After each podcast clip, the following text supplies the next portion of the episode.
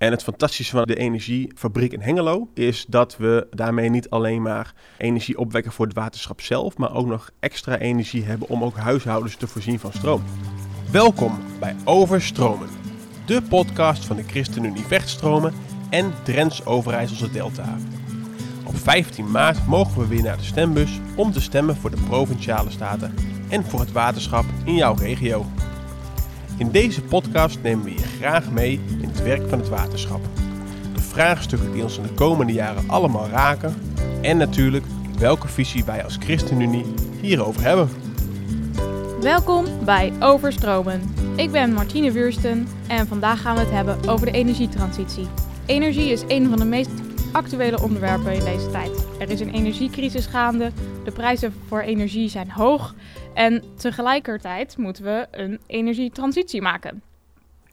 Het een sluit het ander niet uit en het waterschap heeft ook hierin een belangrijke rol. Ik praat er vandaag over met Wouter Bloemberg, de nummer 2 op de lijst voor de ChristenUnie voor Waterschap Vechtstromen.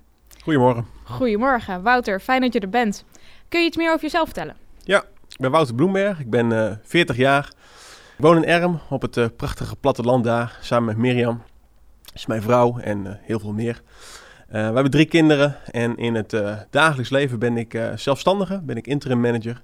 En ik werk onder andere voor woningcorporaties, voor gemeenten en voor in het algemeen publieke organisaties.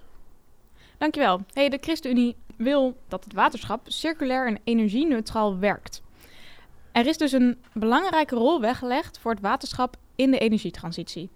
We moeten aan de bak om die klimaatdoelen in 2050 te halen, die in het verdrag van Parijs zijn afgesproken. Is dat ook hoe de ChristenUnie erin staat? Gaan wij die klimaatdoelen, willen we die halen? Ja, absoluut. absoluut ja. Het is ook helemaal, uh, denk ik, niet een vraag van wil je hem halen? Uh, maar je ziet op dit moment al de gevolgen van wat, wat de verandering van het klimaat doet. Dat zien we in droogte, dat zien we in uh, ontzettend hevige buien soms. En die gevolgen die, die zien we al een tijdje. En als we niet ingrijpen, dan worden die alleen maar erger. Dus het is voor mij niet een echte keuze, maar iets wat we met elkaar moeten beetpakken en waar we een lange adem voor nodig zijn. Maar waar we zeker stappen in moeten gaan zetten en ook een hele aantal mooie stappen in gaan zetten. Het klinkt altijd voor mij, ik word er soms ook wel een beetje cynisch van, hè? al die doelen en plannen. En, en we proberen ze maar te halen. Mijn vraag daarbij is ook eigenlijk dus, moeten wij niet veel meer doen dan plannen maken? Ja, we moeten veel meer doen dan plannen maken, want je moet in actie komen. Uh, maar je hebt wel een aantal plannen nodig. Hè? Dus uh, we hebben natuurlijk de klimaatdoelen. In 2015 zijn die in Parijs afgesproken. Hebben 195 landen afspraken gemaakt over de temperatuur van de aarde. Hè? De, de, de, beroemde 2 graden of de 1,5 graad. Maar ook in Nederland hebben we in 2019 afspraken met elkaar gemaakt, klimaatafspraken. Dat waren uh, eigenlijk 600 afspraken op het gebied van landbouw, industrie, de energiesector, uh, de bebouwde omgeving, hè, dus uh, onze huizen. Dus het zijn heel veel afspraken. Die afspraken zijn omgezet in plannen. En op dit moment zijn we ja, met elkaar in heel veel verschillende sectoren die plannen om aan het zetten in daadwerkelijke actie. Ja, en het waterschap heeft dus ook een rol binnen al die sectoren. En in welke sector het meest? Ja, dat is een goede vraag. Want hè, wat Hugo en Herman in de eerste aflevering wel vertelden over wat is de taak van het, van het uh, waterschap. Dan zou je eigenlijk zeggen dat het waterschap misschien daar helemaal wel geen taak in heeft. Hè? Ja, het waterschap verbruikt heel veel energie. Als we kijken naar vechtstromen, dan heeft vechtstromen 23 uh, uh, rioolwaterzuiveringsinstallaties. Nou, daar wordt ontzettend veel energie verbruikt. Maar daar ontstaat een enorme kans om niet alleen energie te verbruiken, maar ook energie op te wekken. Oké. Okay. Oh, dus enerzijds, het uh, waterschap gebruikt veel energie. Nou ja, ook gewoon het, het, zuiveren van, van al het rioolwater, bijvoorbeeld. Ja. ja. En, maar het, het wekt ook energie op. Hoe zit dat precies? Wat heel bijzonder is, is dat het waterschap vangt natuurlijk via die riolen uh, water op, regen op. Maar ook alles wat wij uh, iedere dag door het toilet spoelen, dat gaat via de riolen naar de waterzuiveringsinstallaties. En daar zit ontzettend veel energie in.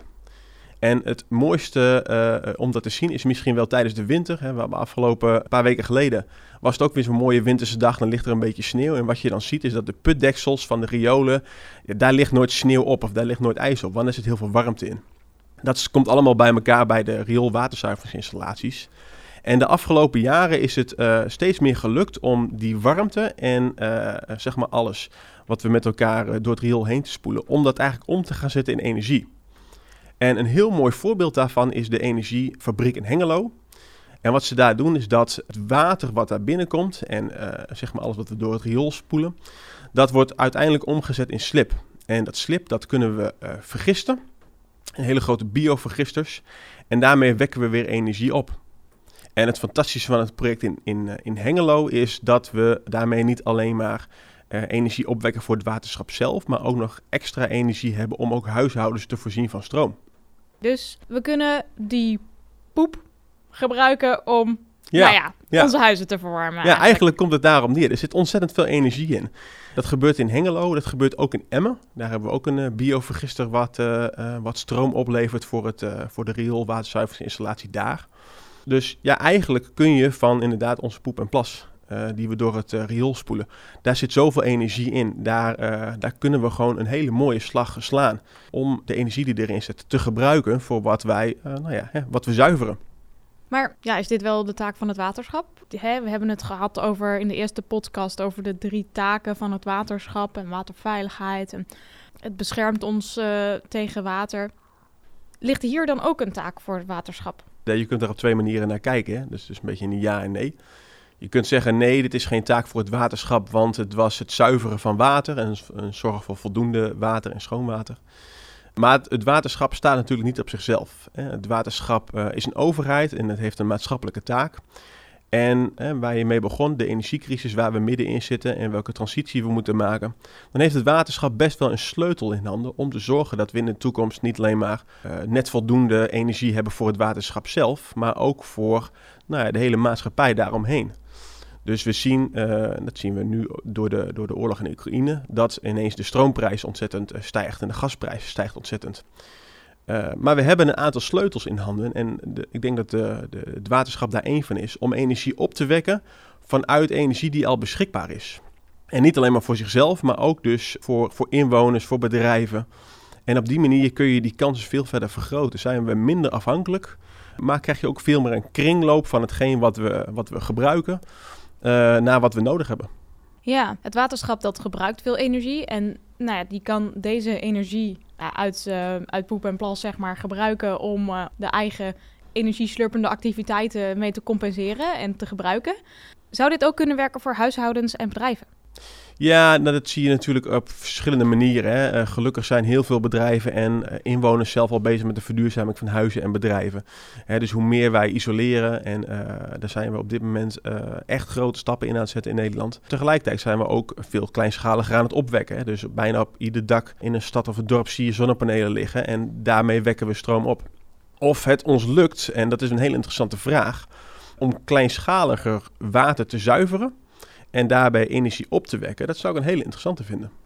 Ik weet niet of het kan, maar uh, bij de rioolwaterzuiveringsinstallaties gebeurt het in het groot.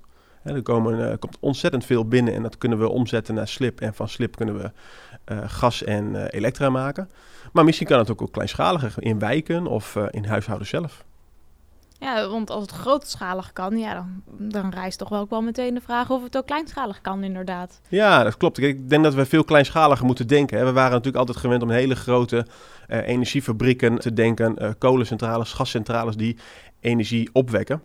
Die hebben we nog steeds in de toekomst nodig, uh, liefst veel minder. Maar hoe meer wij onze woningen verduurzamen, bedrijven verduurzamen, zorgen dat we zelf kunnen opwekken en zorgen ook dat we minder uiteindelijk nodig zijn om uh, te verbruiken, minder energie nodig zijn, ja, dan kunnen we uh, met elkaar zorgen dat we die stappen richting 2050 echt gaan zetten. Ja, prachtig. En we hebben het nu uh, specifiek over nou ja, dit voorbeeld eigenlijk hè, van ehm, het, het, zuiveren van water en daar weer energie uithalen. En als we nou kijken naar het grotere thema, de energietransitie, zijn er dan ook andere voorbeelden van projecten die je kunt noemen waar, waar het waterschap zich mee bezighoudt, die gaan over de energietransitie? Ja, absoluut. Kijk, dus, dus die uh, energiecentrale in, uh, of de energiefabriek in Hengelo is één. Heel mooi voorbeeld, in Emmen ook. Maar op dit moment legt het waterschap ook negen zonneparken aan. Dat doen ze in Vroomshoop, Haaksberg, Oldenzaal, Frieseveen.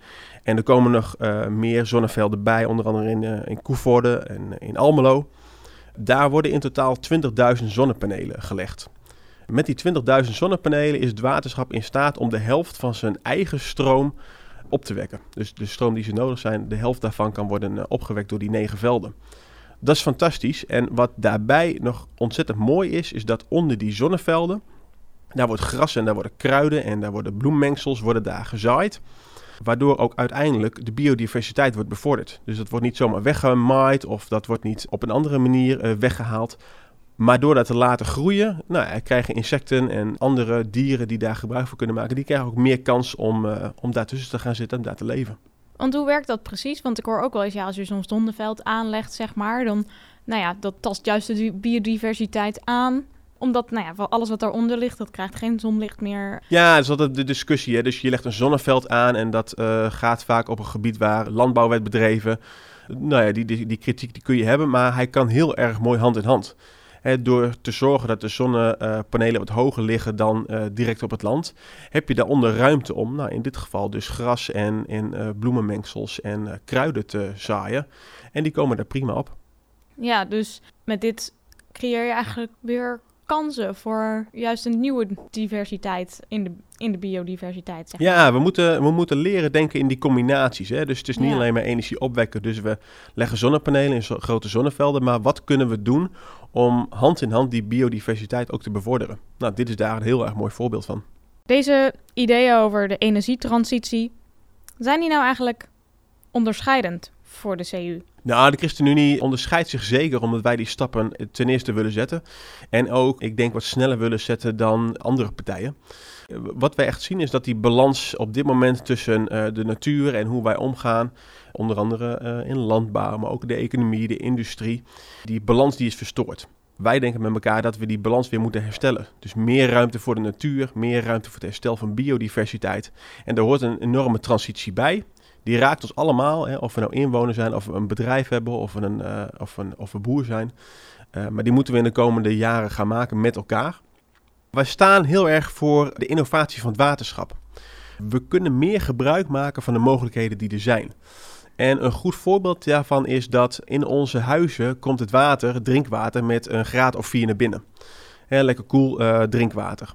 Maar waar we soms onvoldoende bij stilstaan, is dat het water in onze riolen uh, de huizen met een graad of 22 verlaat. Dat is de warmte van vaatwassers, van uh, de douche. We douchen ongeveer 37 graden. En dat allemaal bij elkaar zorgt ervoor dat water de riolen inspoelt met ongeveer 22 graden. Daar kun je gebruik van maken. En uh, dat noemen we aquathermie. Dat is eigenlijk een soort nieuw project om te kijken hoe haal je die warmte eruit. En op dit moment een van de mooiste voorbeelden die er zijn is in Raalte wordt er een zwembad verwarmd met eigenlijk uh, de energie die uit de warmte van de riolen wordt gehaald. Ja, dat precies. Is echt... die, die, riolen, daar zit warm water in en, en dat gebruiken ze om dat zwembad in Raalte mee, mee te verwarmen. Ja, ja, de energie uit water uh, van de riolen wordt daaruit gehaald en wordt omgezet in energie waarbij je dus een zwembad kunt verwarmen. En in de toekomst uh, zou je meer moeten gaan inzetten op projecten waarbij je zegt: hoe kunnen we dat nou gaan gebruiken voor wijken, voor huishoudens, voor bedrijven? Want die energie die is er dus. Die stroomt gewoon zo vanuit onze huizen het riool in. Ja, dat zijn fantastische kansen om beter te pakken. Ja, precies. En dan moet de luisteraar dat natuurlijk niet verwarren met uh, dat we zwemmen in het rioolwater. Maar we gebruiken de warmte om het, om het zwembad mee te verwarmen. Klopt, de warmte uit het, uh, uit het water wat iedere dag uh, zo het riool instroomt. Dankjewel de energietransitie speelt een grote rol in het waterschap. We kunnen ook echt de kansen benutten die daarin liggen. Om zo echt het, maximale eruit te halen. Het waterschap is een grote energievreter, maar kan dat ook gewoon teruggeven. Ze kan zijn eigen energie ook gebruiken. En hier liggen zoveel meer kansen in de energietransitie met, nou ja, je noemde andere voorbeelden van projecten. Ik denk uh, dat dat een heel mooi, uh, mooi standpunt is om, uh, om hier de aankomende jaren mee aan de slag te gaan in het waterschap. Absoluut, dat is het zeker, ja. Nou, dankjewel uh, Wouter voor je komst en je uitleg over uh, de energietransitie. Dankjewel. 2050, dat klinkt misschien nog best ver weg. Maar als je ziet welke stappen we gezamenlijk nog moeten zetten, dan moeten we in de komende jaren nog hard aan de slag. De volgende keer gaan we kijken naar het vechtal. Wat voor bijzonder gebied is het en wat is de Vecht eigenlijk voor mooie rivier? En welke historie kent het? Tot de volgende overstromen.